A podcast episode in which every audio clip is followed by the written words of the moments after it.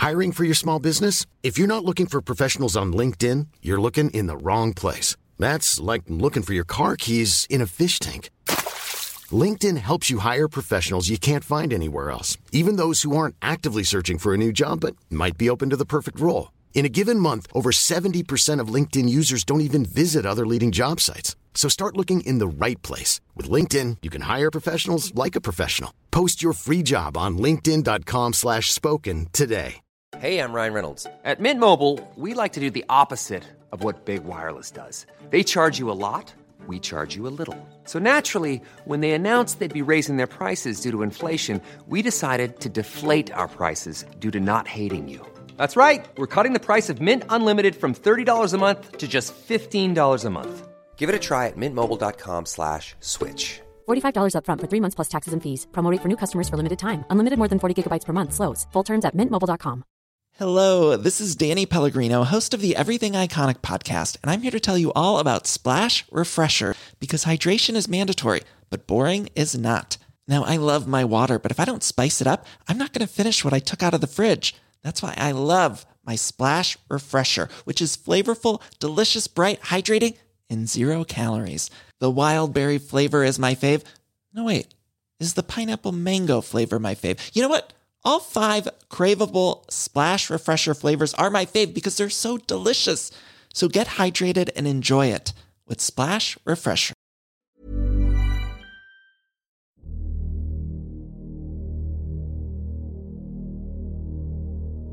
Fire gutter løp rundt i skogen i Hagleywood ved Richbury Hills i Worcestershire i England, ikke langt unna landets nest største by, Birmingham. I skogen, som hadde en mørk historie med paganisme og ritualer, gjorde de et makabert funn som satte i gang en forholdsvis beskjeden etterforskning som gikk fort i stå. Det ble etter hvert kjent hva guttene fant gjemt i tre i skogen. En hodeskalle samt flere skjelettdeler av en kvinne, og år etter funnet dukket opp mystiske graffiti rundt om i Birmingham hvor det sto Who put Bella down the witch elm? Hagleywood. Med andre ord, hvem puttet Bella inn i witchalmen?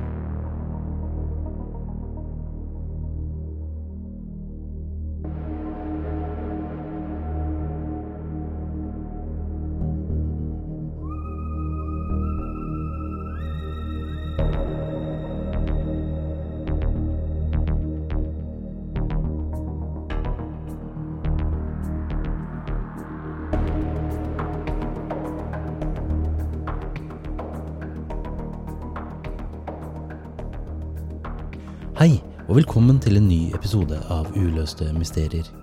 Jeg heter Morten og skal som vanlig fortelle dere om en historie som har skapt undring blant de som har hørt den, og som kaster et slør av mystikk over hendelsen både da det skjedde og frem til i dag. Forrige gang snakket jeg om at jeg hadde en nyhet til dere. Jeg har fått litt bedre fritid og skal derfor forsøke å gi ut episoder ukentlig fremfor hver 14. dag slik jeg har gjort hittil. Det betyr med andre ord et nytt mysterium hver eneste uke. Jeg har riktignok et par andre prosjekter jeg må få gjennomført litt uh, først, men uh, håper uh, jeg skal få til dette i løpet av november. Det er ikke sikkert at alle episodene blir like lange som de har vært, men jeg skal fremdeles jobbe hardt for å holde den kvaliteten dere lyttere ønsker og ikke minst fortjener. Det betyr også at jeg trenger flere tips om hva dere ønsker å høre om fremover, så send meg gjerne ønsker på ulostemysterier at gmail.com, eller på sosiale medier som Facebook og Instagram, hvor dere også kan finne og følge Uløste mysterier. Denne episoden er et tips jeg fikk av en av podkastens trofaste lyttere, Eirik Tvilde, og dette er en historie som snor seg innom heksejakter, okkulte ritualer, nazispioner og militære operasjoner, samt sandkrim. Dette er en episode som inneholder det aller meste, rett og slett. Det var den 18. april i 1943, og de lokale guttene Robert Hart, Thomas Willets, Bob Farmer og Fred Payne nøt den flotte vårdagen til tross for at andre verdenskrig herjet utenfor skogens trygge favn. Hadde de derimot visst om skogens mørke historie, kan det hende denne historien aldri hadde eksistert. Hagley Woods var nemlig beryktet for å være en plass det ble holdt okkulte seremonier, heksesabbater og andre paranormale hendelser. De var på tjuvjakt etter fugleegg i skogsområdet som tilhørte Hagley State, noe de hadde gjort mange ganger tidligere. I 1942 var England i aller høyeste grad involvert i kampen mot Nazi-Tyskland, og egg var en av de godene det rasjonertes på. Det var dermed ikke kun spenning og lek disse guttene var, på, var ute etter denne vårdagen. Men denne dagen var det noe helt annet enn fugleegg de skulle oppdage. Guttene fant et gammelt almtre, en såkalt witch elm, med røtter og grener som snirklet seg sammen som en naturlig bur. De tenkte at her eh, kunne det kanskje gjemme seg et fuglerede, og Bob Farmer valgte villig å klatre opp i treet for å undersøke. Han hadde ikke klatret høyt før han skimtet noe inni treet, noe han først tenkte var et veldig stort egg, før han innså at det var en hodeskalle. Han tenkte først at dette måtte være en hodeskalle av et dyr, og guttene ble ivrige som unge gutter fort kan bli når de finner noe spennende og kanskje litt ekkelt og makabert. De tok en lang pinne og fisket hodeskallen ut av treet, og oppdaget rester av menneskehår på kraniet.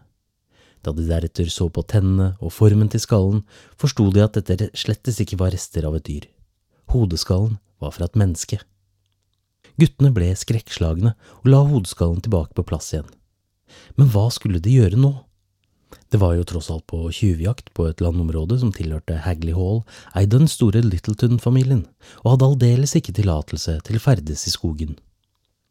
Guttene sverget seg imellom om å aldri nevne dette for noen noensinne igjen før de gikk hjem. Thomas Willets, den yngste av guttene, klarte derimot ikke å holde tett om det skremmende han hadde opplevd, og fortalte faren sin om hva de hadde funnet i Hagleywood.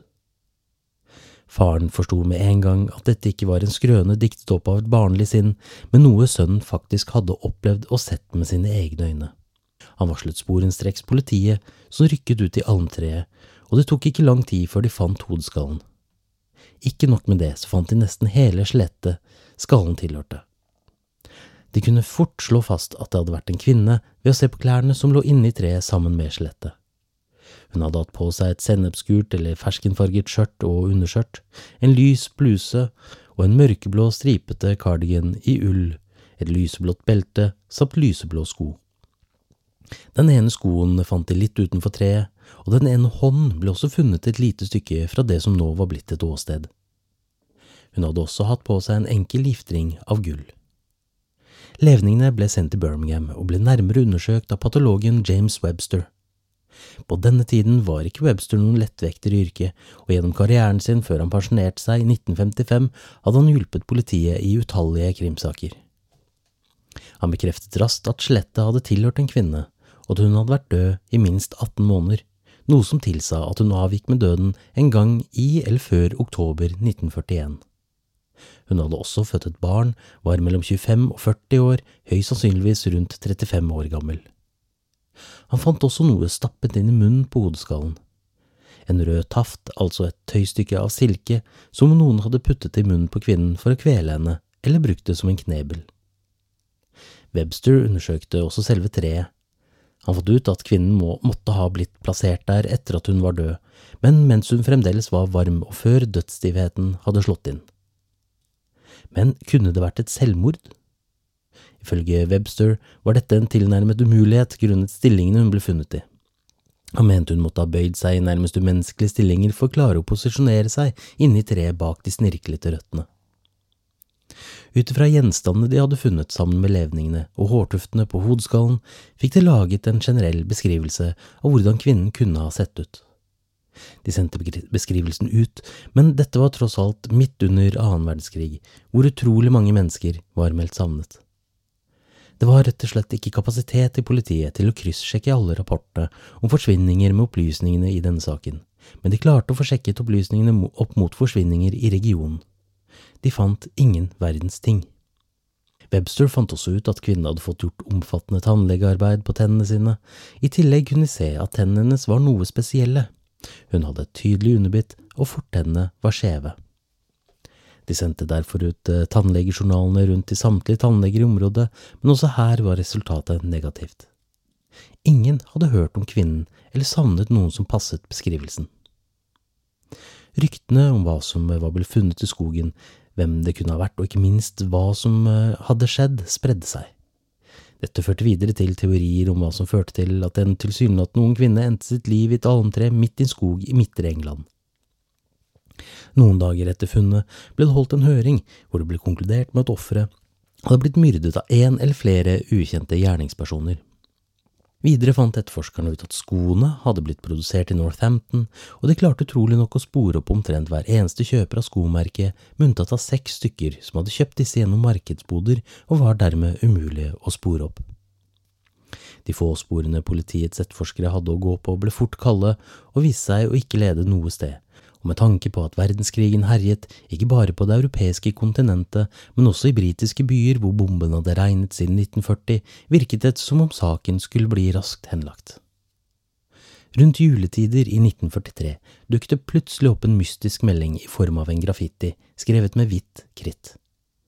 Det er litt forskjellige kilder på hvor den første dukket opp og hva som sto på den, men den mest aksepterte kilden er at den dukket opp i Dean Street i Birmingham. De som kom over graffitien kunne lese store hvite bokstaver som sa Who put Bella down the witch elm, Hagley Wood. Politiet ble selvsagt svært interessert i hvem som kunne ha skrevet dette. Først tenkte de at det kanskje var barn som hadde gjort dette, men kom frem til at siden det var skrevet såpass høyt opp på veggen, måtte det være en voksen person som sto bak graffitien. Men enda viktigere, nå hadde politiet et potensielt navn på offeret som var funnet i treet, nemlig Bella. Like etter fikk politiet opplysninger om nok en graffiti som hadde blitt skrevet på et hus i landsbyen Old Hill, hvor det sto Who put Lubella down the witch helm? i store bokstaver, skrevet med nøyaktig samme håndskriften som det første som ble funnet i Birmingham. Navnet var derimot en anelse forskjellig, i stedet for Bella sto det nå Lubella. Var dette hele navnet til offeret, mens Bella bare var en forkortelse hun kanskje brukte? Det skulle dukke opp flere graffitier i midlandsområdet i England fremover, hvor variasjoner av den samme setningen gjentok seg, men inneholdt stort sett Lubella, Bella og Hagleywood. Noen ganger kunne det bare stå Hagleywood Bella, og på noen sto det Witch, som i heks, i stedet for Witch, som er navnet på tretypen. Og det er blant annet det faktum at det sto Witch, som staves WYCH, som gjorde at politiet følte seg trygge på å kunne si at graffitien hadde blitt utført av en lokalkjent person, med unntak av de hvor det sto witch, altså heks. Jeg skal komme tilbake til denne forskjellen litt senere og forklare betydningen og opphavet av ordet witch. Graffitiene i The Midlands fortsatte å dukke opp. I august 1944 ble det skrevet Hagleywood Lubella was opposite Rose and Crown Hasbury i landsbyen Halsowen og, i byen Wolverhampton. Nok en gang matches håndskriften, men hva kunne dette bety?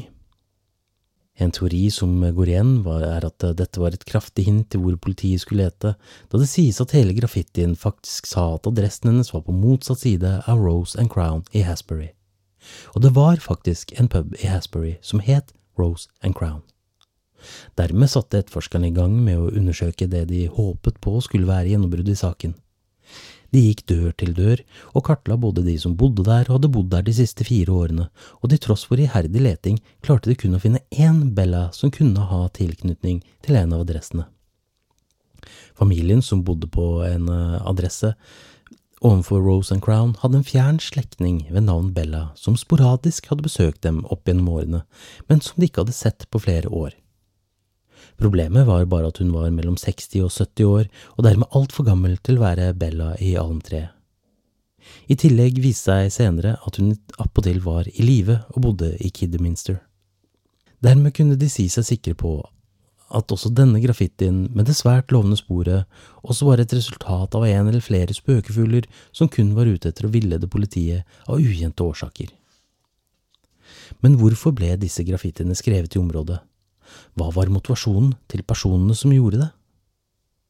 Teoriene rundt eh, dette gir eh, i grunn to muligheter.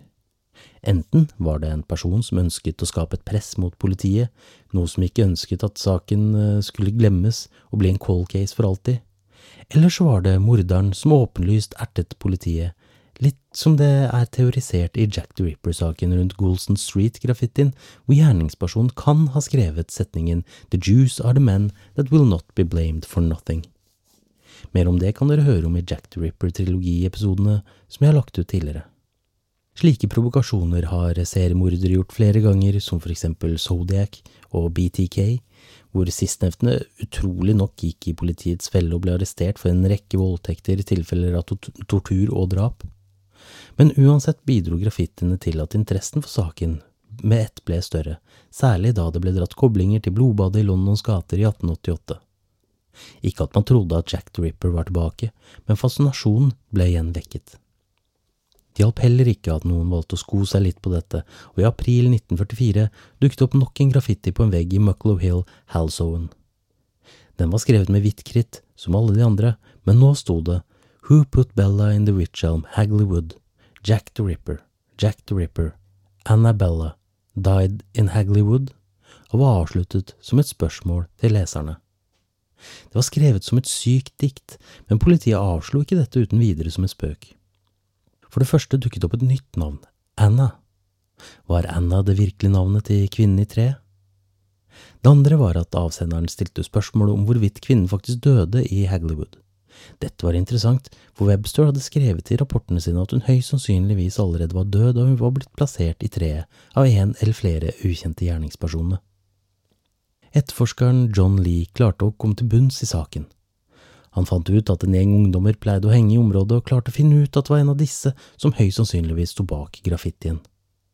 Det ble også klart at håndskriften ikke matchet de andre graffitiene, og dermed kunne de avvise det som om ikke en spøk, men som en slags copycat-trend som begynte å spre seg i middelhavsområdet. I oktober 1944 mottok en overkonstabel ved Newton Street i Birmingham et brev hvor avsenderen, som presenterte seg som Mr. Wood, innrømmet at det var han som sto bak graffitiene. Ikke nok med at han innrømmet dette, han ville også møte overkonstabelen og lovte å fortelle absolutt alt om det hele. Politiet ville ikke la denne sjansen gå fra seg og møtte opp på det avtalte stedet til avtalt tid, men Mr. Wood møtte rett og slett ikke opp. Selv om de anså brevet som et spor, innså de etter hvert at dette høyst sannsynligvis var skrevet av nok en spøkefugl som kun var ute etter å erte politiet. I 1953 klarte etterforskeren å finne ut, uh, finne ut av hvem som hadde stått bak graffitiene. Jeg har ikke klart å finne ut så mye mer informasjon om hvem den personen var, eller hvordan politiet fant ut av vedkommendes identitet, men de kunne i hvert fall fastslå at graffitien var et villspor som hadde vart i nesten ti år. Ifølge etterforskerne var personen en underlig skrue som ikke hadde noen faktisk kjennskap til saken, og kunne dermed utelukkes som en person av interesse, da det ble klart at vedkommende verken kjente Bella, detaljer fra saken, eller noe annet enn det faktum at han startet graffititrenden som herjet i The Midlands og som fremdeles forekommer nå og da, 80 år senere. En gammel obelisk som står nær toppen av Witchbury Hill i Hagley, har fått skrevet på den kjente graffitien ved flere tilfeller og i flere variasjoner, sist gang i 1999. Med andre ord, Bella var dermed ikke Bella. Men hvem var hun, dersom det faktisk stemte at Midlands Witch Elm Banksy ikke hadde noen som helst kjennskap til hennes egentlige identitet? Jeg skal starte med en av de tidligste teoriene som ble foreslått i politiet allerede i 1944. En sexarbeider i Birmingham meldte ifra til politiet om at en kvinne som pleide å jobbe langs Hagley Road, hadde forsvunnet i 1941. Navnet hennes var Bella. Dette kunne igjen uh, tyde på at graffitiartisten kjente til identiteten til den prostituerte kvinnen, og at det var hun som var funnet i treet, men samtidig er det litt huller i denne teorien. Blant annet ble vedkommende bak graffitiene avslørt og avskrevet som en potensiell kandidat til gjerningen og kjennskap til kvinnen. Hvorvidt politiet fulgte opp denne ledetråden noe mer, har jeg ikke funnet ut av. Det kan dessverre tenkes at Nattens piker den gang ikke var spesielt troverdige i politiets øyne, og dermed ble avskrevet med en gang. En annen teori som ble fremstilt tidlig, var at kvinnen hadde blitt skremt av flyalarmer som gikk av i tide og utide, flyktet til skogs og blitt angrepet der. De pårørende hadde meldt henne savnet som et offer av bombingen og kaoset som gjerne oppsto uten at det hadde blitt dratt noen koblinger til levningene som ble funnet i Hagleywood. Men det var også andre ting som dro folkeopinionen til å tro at noe mer okkult hadde foregått i skogen. I 1945 foreslo antropolog og arkeolog ved University College i London, Margaret Murray, en teori om at det har foregått et rituale av sort magi og menneskeofringer i Hagleywood. I 1945 hadde ikke Murray undervist på ti år, og hun hadde heller ikke vært i felten på mange år da hennes mannlige kolleger til stadighet stakk kjepper i hjulene hennes. I stedet forfattet hun flere bøker om hekseri og okkultisme.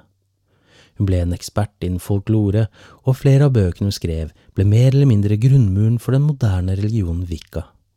Hun bygde teoriene sine på eh, blant annet eh, at den ene hånden til kvinnen i treet var funnet et godt stykke unna resten av kroppen. Dette mente hun kunne høre til et rituale som kalles Hand of Glory. Det sies at hånden som blir hogget av en person som har utført en kriminell handling, vil inneholde sterke magiske krefter. Dette går eh, hånd i hånd, pun intended, med henrettelser av drapsmenn og kvinner på 16-, 17- og 1800-tallet, hvor den høyre hånden gjerne skulle hogges av før vedkommende synder ble hengt, brent eller halshugget, eller på annen måte henrettet. Det var rett og slett en måte å fjerne hånden som hadde begått gjerningen, fra gjerningspersonen. Dette var riktignok en form for straff som man kan spore tilbake til den mesopotamske lovskriveren Hammurabi, som blant annet skrev straffelover som baserte seg veldig på øye for øye, tann for tann-ideologien.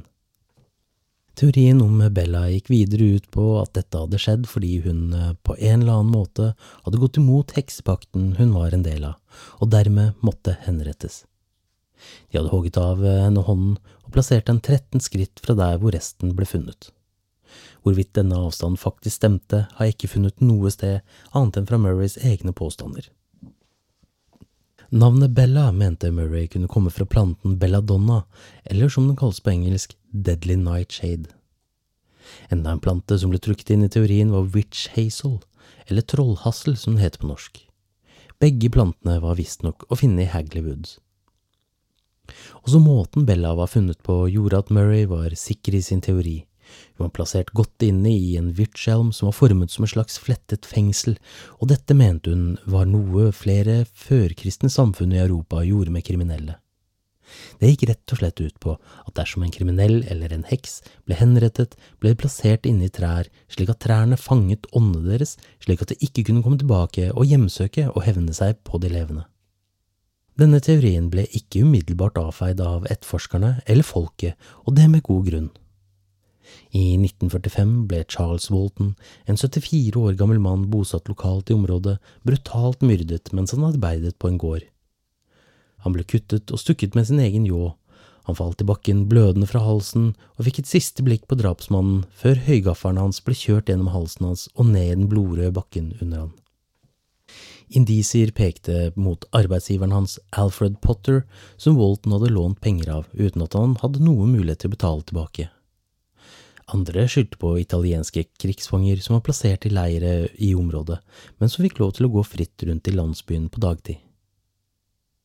I 1954 kunne en lokal avis ta opp tråden til Walton-drapet og sammenlignet det med et annet drap som hadde skjedd noen mil unna. Dette drapet skjedde i 1875, og offeret var en kvinne ved navn Anne Tennant. Ifølge avisen hadde folk på den tiden ment at hun var en heks. James Haywood, en mann som ble beskrevet som en fyr som var berøvet sinnets makt og en landsbyidiot, hadde visstnok drept henne ved å legge henne i bakken før han kjørte en høygaffel gjennom halsen hennes, slik at hun ble godt festet til bakken som sakte, men sikkert ble fylt av blod samtidig som livet til Anne ebbet ut.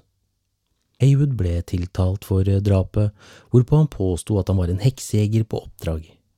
Han hadde sverget på å skulle drepe alle hekser han kom over bare han slapp fri, som om det var en samfunnstjeneste han skulle utføre. Myndighetene valgte heller å låse han inne på et sinnssykehus og kastet nøkkelen så langt vekk de kunne. Pressen lot tilfeldigvis være å skrive så mye om at Haywood var sprøytegal da de omtalte saken i 1954, og dermed begynte folk å lure på om det faktisk fantes hekser og heksejegere der ute som fremdeles kjempet sine kamper i samfunnets kulisser. Men det er litt tvilsomt at det er en krig mellom det gode og det onde som er tilfellet i Bellas sak. Webster fant ganske tidlig ut at hånden som var funnet et stykke unna, hadde det som så ut som små gnagmerker. Han mente derfor at det slettes ikke var noe kult rundt dette, men at en rev eller et annet lite rovdyr rett og slett hadde plukket med seg hånden etter at kroppen hadde råtnet såpass at den regelrett løsnet fra kroppen. Kanskje var reven fornøyd med å spise bare litt unna matfatet i treet, og etterlot seg hånden der og treet var et meget godt gjemmested for et lik dersom en morder skulle forsøke å skjule det. Det var tross alt på privat eiendom, noe som tilsa at veldig få ville ferdes i området, men vedkommende hadde neppe regnet med fire nysgjerrige gutter på tjuvjakt etter fugleegg. Med andre ord, drapet på Ann Tennant ble utført av en gal og sinnsforvirret person som endte sine dager på en institusjon for mentalt forstyrrende. Waltons drap forble uoppklart, men mulig var penger motivet. Bella var neppe utsatt for en menneskeofring, da det riktignok er indisier som kan peke i den retningen, men uten håndfaste beviser blir dette et meget tynt grunnlag å konkludere på. Jeg lovte også å komme tilbake til selve navnet på tretypen, Witch. På graffitiene er det blitt skrevet både Witch og Witch, men det har ingen sammenheng. Riktignok har det foregått en del okkulte hendelser utført av paganister i området på Witchbury Hills, men det har ingen verdens ting med ordet witch å gjøre. Navnet Witch, når det gjelder landområdene med samme variasjoner, kom fra et gammelt saksisk småkongedømme som het Witch. Det staves H-W-I-C-C-E, godt mulig at jeg uttaler det veldig feil. For Trets del er Witch et ord som kommer fra det gammelengelske ordet witch. Det staves W-I-C-E, veldig godt mulig at jeg slakter det ordet også, men det er et ord som betyr smidig. I kongedømmet Witche eh, ble flettede kurver, eller wicker baskets, produsert, mye på grunn av tretypene i området som ga smidige materialer å jobbe med. Med andre ord, ordet witch har mer med en flettet kurv å gjøre enn hekserier. Jeg snakket også om at denne historien viklet seg videre inn i krigsspionasje, og det er den neste teorien jeg skal ta opp. 1953 var tydeligvis året hvor oppklaringene for mysteriet sto i kø. En avis i Wolverhampton mottok et brev i november det året hvor avsenderen påsto å vite både identiteten til kvinnen og morderen. Brevet var underskrevet med navnet Anna, og hun skrev Dere vil aldri løse mysteriet. Den eneste personen som kunne gi konkrete svar, er nå utenfor makten til jordiske rettssaler. Saken er avsluttet, og den involverer ingen hekser, sort magi eller ritualer i månelyset. Den ansvarlige personen døde sinnssyk i 1942, og offeret var fra Nederland og ankom England ulovlig i 1941. Etterforskerne klarte å spore opp den mystiske Anna, og fant ut at det slettes ikke var navnet hennes. Kvinnen het Una Hainsworth, og hun fortalte til slutt sin historie om hva som hadde skjedd. Eksmannen hennes, Jack Mossop, var en ingeniør som lagde flydeler på en fabrikk under krigen. Han hadde flysertifikat og var en del av reservestyrken i Luftforsvaret, ifølge han selv. Han ble spurt av venner om hvorfor han arbeidet på en fabrikk fremfor å verve seg, og da fortalte han en historie om at han hadde gjennomgått opplæring i Royal Air Force, men krasjet for mange fly, og dermed hadde fått hjerneskader. Det er riktignok ikke det eneste fnugg av bevis at han noensinne var i RAF, eller at han hadde noen form for hjerneskade, så dette kan vi nok avskrive som en del av Bella-historien som har fått utvikle seg på folkemunne men Jack Mossop drakk tungt. Det samme hadde hans far og onkler gjort, og de var alle godt kjent i lokalområdet som de syv drittsekkene, på grunn av hvordan de oppførte seg i fylla. Nå skal det sies at han vokste opp hos besteforeldrene og ikke hos faren eller onklene, og moren hans døde av spanskesyken da han var seks år gammel. Som barn var han opplagt, men hadde ofte hodepine og mareritt. Una kunne videre fortelle at en dag i mars eller april i 1941 kom Jack hjem etter det hun mistenkte var en natt på fylla. Han var i forferdelig form og var sammen med drikkekompisen, en nederlender ved navn Van Ralte. Una mistenkte hele tiden at Van Ralte var en spion siden han aldri arbeidet, men alltid hadde masse penger. Dog kan det tenkes at Van Ralte rett og slett var en av mange som livnærte seg på svartebørshandel under krigen. Men denne dagen var det noe annerledes med de begge. De var oppjaget og virket forstyrret av noe. Noe som visstnok skulle hjemsøke Jack resten av livet hans. Una lurte veldig på hva som var galt, satte Jack ned ved bordet og ga han en drink for å få roet nervene hans. Jack begynte å fortelle, og han kunne fortelle at han og Van Ralte hadde drukket på Littleton Arms, ikke langt unna Hagleywood, med en kvinne som het Clarabella Dronkers. På et tidspunkt hadde Van Ralte og kvinnen begynt å krangle. Han var usikker på hva det dreide seg om, men hun la merke til at Clarabella virket nærmest pinlig berørt. De hadde forlatt puben og satt seg i bilen til Van Ralte. Jack kjørte, og nederlenderne satte seg i baksetet. Noe skjedde uten at hun kunne forklare nøyaktig hva, men Clarabella mistet tilsynelatende bevisstheten. Jack fikk beskjed om å kjøre mot skogen hvor de ankom Hagley Wood og almtreet. Mennene bar kvinnen ut og plasserte henne inne i treet. I en versjon var det for å lære, en, lære henne en lærebenge, da hun hadde drukket så mye at hun besvimte. I tillegg hadde hun pratet høylytt om ting hun absolutt ikke skulle prate om, men hun var uansett i live da hun ble plassert der. I en annen versjon nevnes det ikke noe motiv annet enn at Van Ralte bar Jack om å hjelpe til med å plassere henne i treet. Etter denne kvelden drakk Jack enda tettere. Han fikk kraftigere hodepiner, oftere mareritt, og til tross for at han jobbet mindre, fikk han mer penger mellom hendene. Una blei sikker på at han var en spion, og når hun forsøkte å konfrontere han med dette, ble han voldelig og i svært dårlig humør. Han fjernet seg mer og mer fra henne følelsesmessig og begynte å være utro ofte. I desember 1941 gikk Una lei og forlot han. Etter bruddet ble oppførselen til Jack mer og mer uberegnelig, og i juni 1942 ble han innlagt på en mentalinstitusjon. Her døde han to måneder senere, i august, bare 29 år gammel. Obduksjonen viste at han mer eller mindre hadde drukket i stykker kroppen. Hjertet var ødelagt, og det samme var nyrene. Høyst sannsynlig døde han av hjertestans som følge av dette. Hvorvidt det stemmer at Jack Mossop var med på å legge Bella i almtreet, har man lite bevis for. Det eneste man har, er hans ekskones påstander. Una lakk i 1958 historiene til avisene, hvor det ble skrevet flere artikler om en nazistisk spionring som hadde operert i Midlands under krigen. Oppdragene deres var enkle nok, de skulle infiltrere våpenfabrikker i regionen. Ifølge denne versjonen av historien var Bella en spion og okkultist ansatt av Abwehr, nazistenes etterretningsorganisasjon. Hun hadde blitt sluppet i fallskjerm over England tidlig i 1941 og var kjent som Clara Bella. Ifølge arkivene til Abwehr var det faktisk en spion med kodenavn Clara som ble sendt til Vestmiddelens under krigen, men det ble aldri oppnådd noe mer kontakt med henne. De antok dermed at hun var blitt drept i tjeneste. Dette var ikke et unikt tilfelle. 17 spioner ble tatt i England i bare i 1941, blant dem 43 år gamle Josef Jacobs. Jacobs var født i Luxembourg og kjempet på tysk side under første verdenskrig. Han ble igjen kalt inn til tjeneste da andre verdenskrig brøt ut, men da det ble kjent at han hadde sittet i fengsel i Sveits i fire år i mellomkrigstiden for å ha solgt falsk gull, fant hæren ut at han ikke egnet seg til å være offiser for Tyskland. Derimot passet han som spion.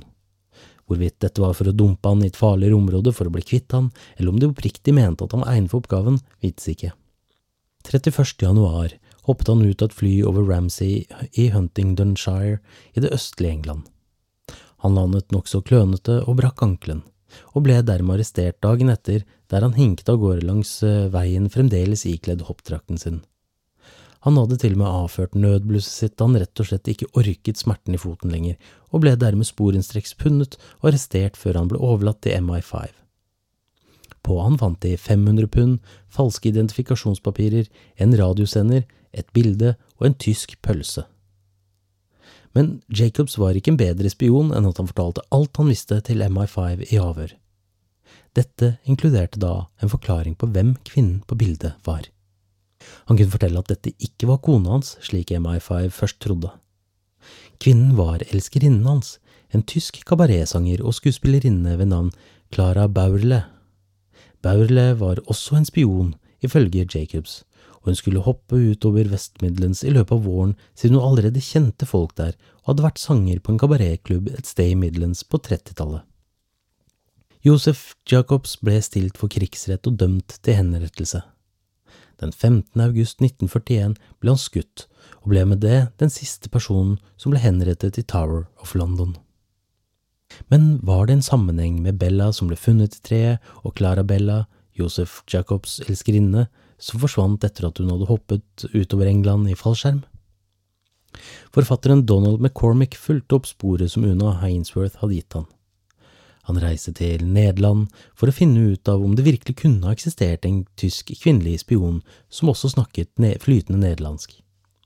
Han fikk tak i opplysninger om en mann ved navn Lerer som hadde som oppgave under krigen å rekruttere agenter han mente kunne arbeide som spioner i England. Han hadde visstnok en kjæreste som hadde bodd i Birmingham på 30-tallet, akkurat som Clara Bella som hadde arbeidet på kabaretklubber. Hun kunne med andre ord snakke både nederlandsk og engelsk flytende, og klarte i tillegg å skjule aksenten sin. Totalt fem spioner var en del av Operasjon Sjøløve, hvorpå disse spionene ble sendt til England i mars og april 1941. En av disse spionene var en kvinne med navn kodenavn Clara, som ble sluppet over et område hvor hun kunne ha landet i Hagleywood. Clara tok aldri kontakt og ble antatt omkommet. Dette passer i så fall bemerkelsesverdig med det Josef Jacobs fortalte i sine avhør, samt opplysninger fra Abwehr sine arkiver. McCormick ga seg ikke med det. Han reiste til Paraguay og oppsøkte en tidligere nazist, Frans Ratgeb.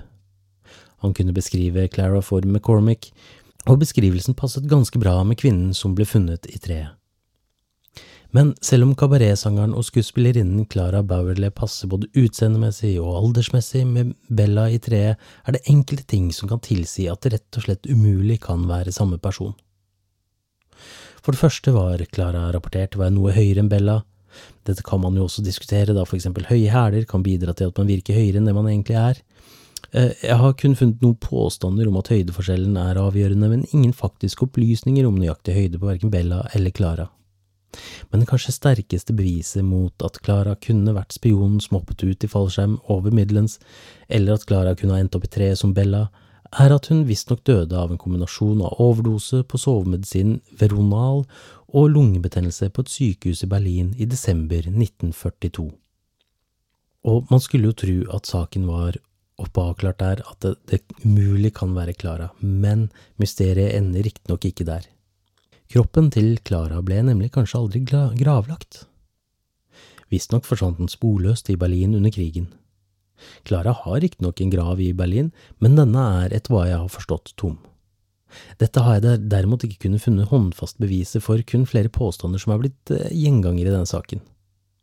I tillegg stopper alle spor etter Klara en gang i 1942 som om hun rett og slett forsvant i løse luften. Hvis dette stemmer, kan man tenke seg dit hen at hennes påståtte dødsfall var en del av Abwehrs måte å lage en ny dekkidentitet til Clara for å gjøre hennes alibi sterkt nok, da de hadde mistet mange spioner i England.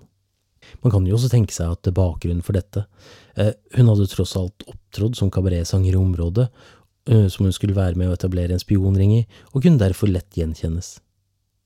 Dersom etterretningen i England fikk tak i Clara, eller Bella om dere vil, på engelsk jord, ville hun blitt avhørt og mistenkt for spionasje.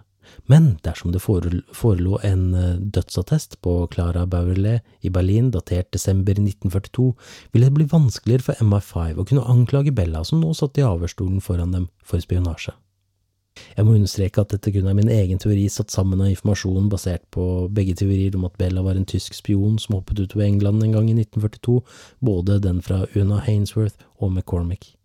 Men det avhenger da at all informasjon som både Hainsworth og McCormick kom med, faktisk er sant. Jeg skal oppsummere teorien og komme litt for og imot, så kan dere selv avgjøre hva dere tror. For det første var Abwehr og den tyske krigsmakten særdeles opptatt av å holde korrekte arkiver for absolutt alt under krigen. Vi kan med andre ord nærmest med sikkerhet si at det var en tysk spion med kodenavn Clara som hoppet ut over Midlands. Men siden kodenavnet var Clara, virker det kanskje rart at det ekte navnet på spionen også var Clara, med mindre den ekte Clara hadde avgått med døden på et sykehus i Berlin og den gjenoppståtte spionen Bella var den som hoppet ut av flyet. Men dette blir kun ren spekulasjon.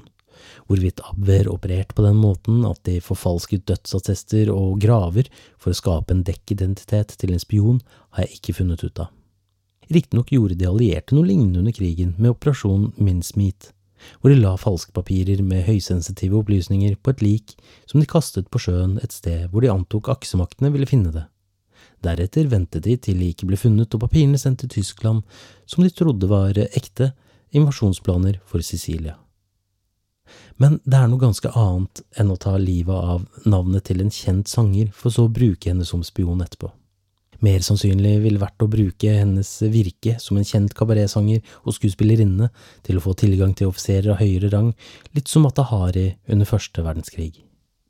Men vi har også avhøret til Josef Jacobs, hvor han mer eller mindre bekrefter det samme, at elskerinnen hans Clara, som hadde bodd i middelensområdet og vært sanger på kabaretklubber på 30-tallet, var spion som skulle bli sluppet utover England. I tillegg har man Lerer, som ble funnet av McCormick, som rekrutterte kjæresten sin, en kvinne som på 30-tallet også bodde i middelhavsområdet, jobbet der og kjente flere mennesker. En kvinne som snakket både nederlandsk og engelsk flytende. Clara Baurle var riktignok tysk, og jeg skal være såpass ærlig å si at jeg ikke har funnet et fnugg av bevis for at hun pratet nederlandsk.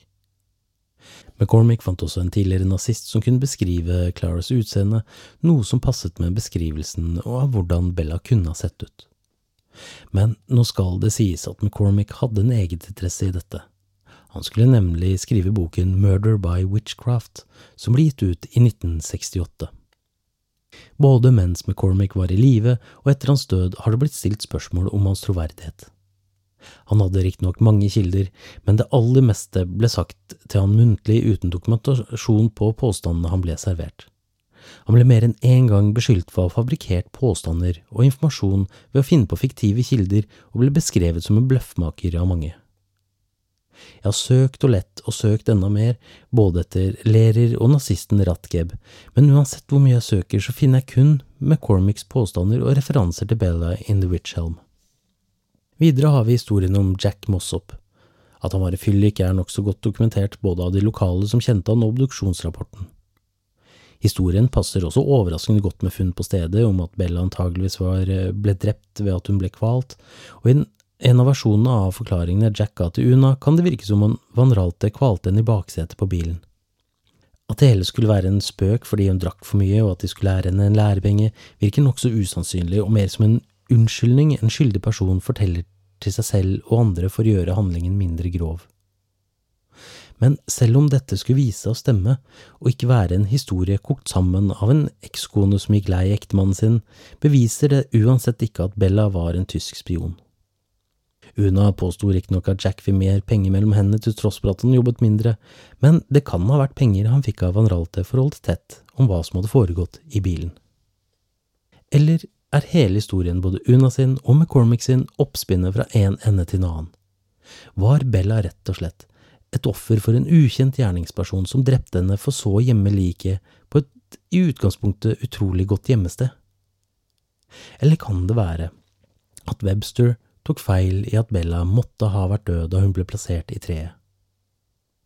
Kan det ha skjedd noe så skrekkelig i livet hennes at hun trakk seg vekk fra alt og alle før hun til slutt endte opp i almtreet hvor hun så døde? Hun hadde født minst et barn og var tilsynelatende gift, siden de som nevnt fant en giftring blant levningene. En forholdsvis enkel og billig ring av bronse og tinn hvor et tynt lag med gull hadde blitt slått rundt. Kan det ha vært at hun mistet både barn og ektemann i et av de mange bombeangrepene, eller på at de av en eller annen måte forsvant ut av livet hennes?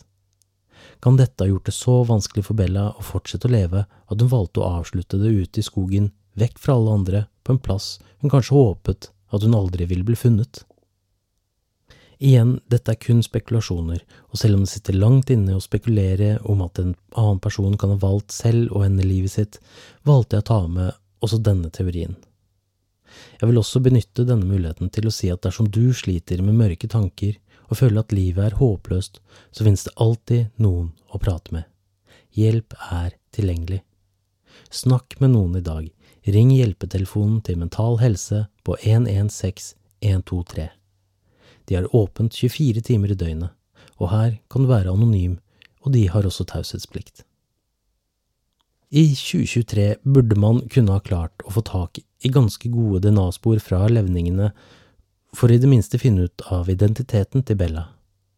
BBC sendte derfor en forespørsel til politiet i mai i år, men dessverre har levningene forsvunnet fra Birmingham City Police sitt sorte museum, hvor de har oppbevart gjenstander fra kriminalsaker opp gjennom Vestmiddelens historie.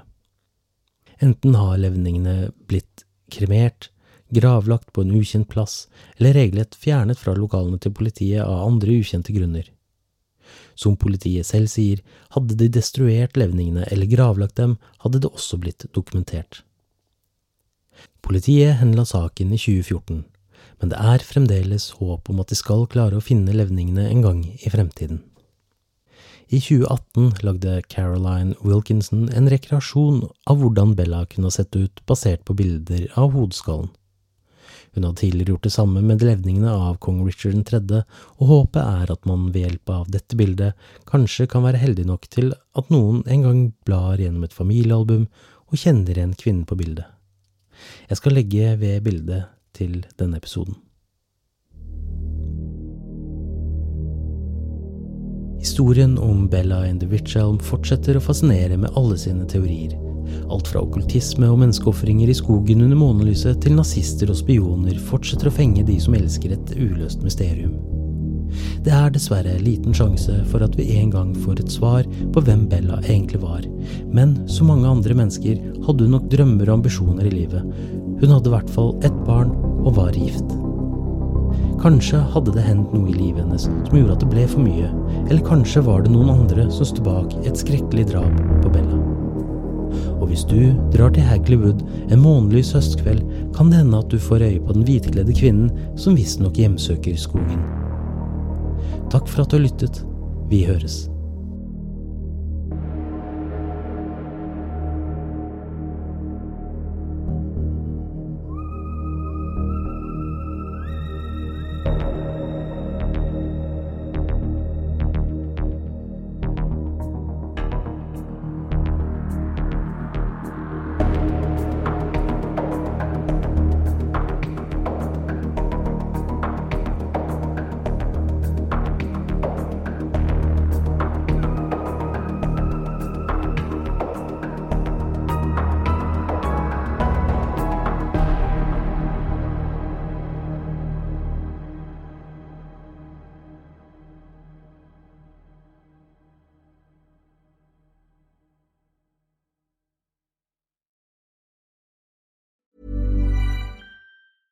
Hello, this is Danny Pellegrino, host of the Everything Iconic podcast, and I'm here to tell you all about Splash Refresher because hydration is mandatory, but boring is not. Now, I love my water, but if I don't spice it up, I'm not going to finish what I took out of the fridge. That's why I love my Splash Refresher, which is flavorful, delicious, bright, hydrating, and zero calories.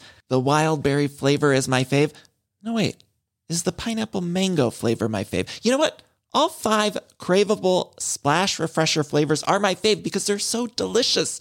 So get hydrated and enjoy it with Splash Refresher. ACAST powers the world's best podcasts. Here's a show that we recommend. The Real Housewives is a guilty pleasure for most, but if you're looking to not feel guilty about that pleasure, tune in to Everything Iconic with me, Danny Pellegrino, where I break down all the messy moments and behind the scenes antics of Bravo's popular franchise. And on Everything Iconic, I also interview celebrity guests like Kelly Ripa, Kiki Palmer, Drew Barrymore, Cameron Diaz, and more about their guilty pleasures, their past work, and so much more. So if you're pop culture obsessed and find yourself watching way too much reality TV like me, tune in to Everything Iconic with Danny Pellegrino wherever you listen to podcasts. ACAST helps creators launch, grow, and monetize their podcasts everywhere. ACAST.com.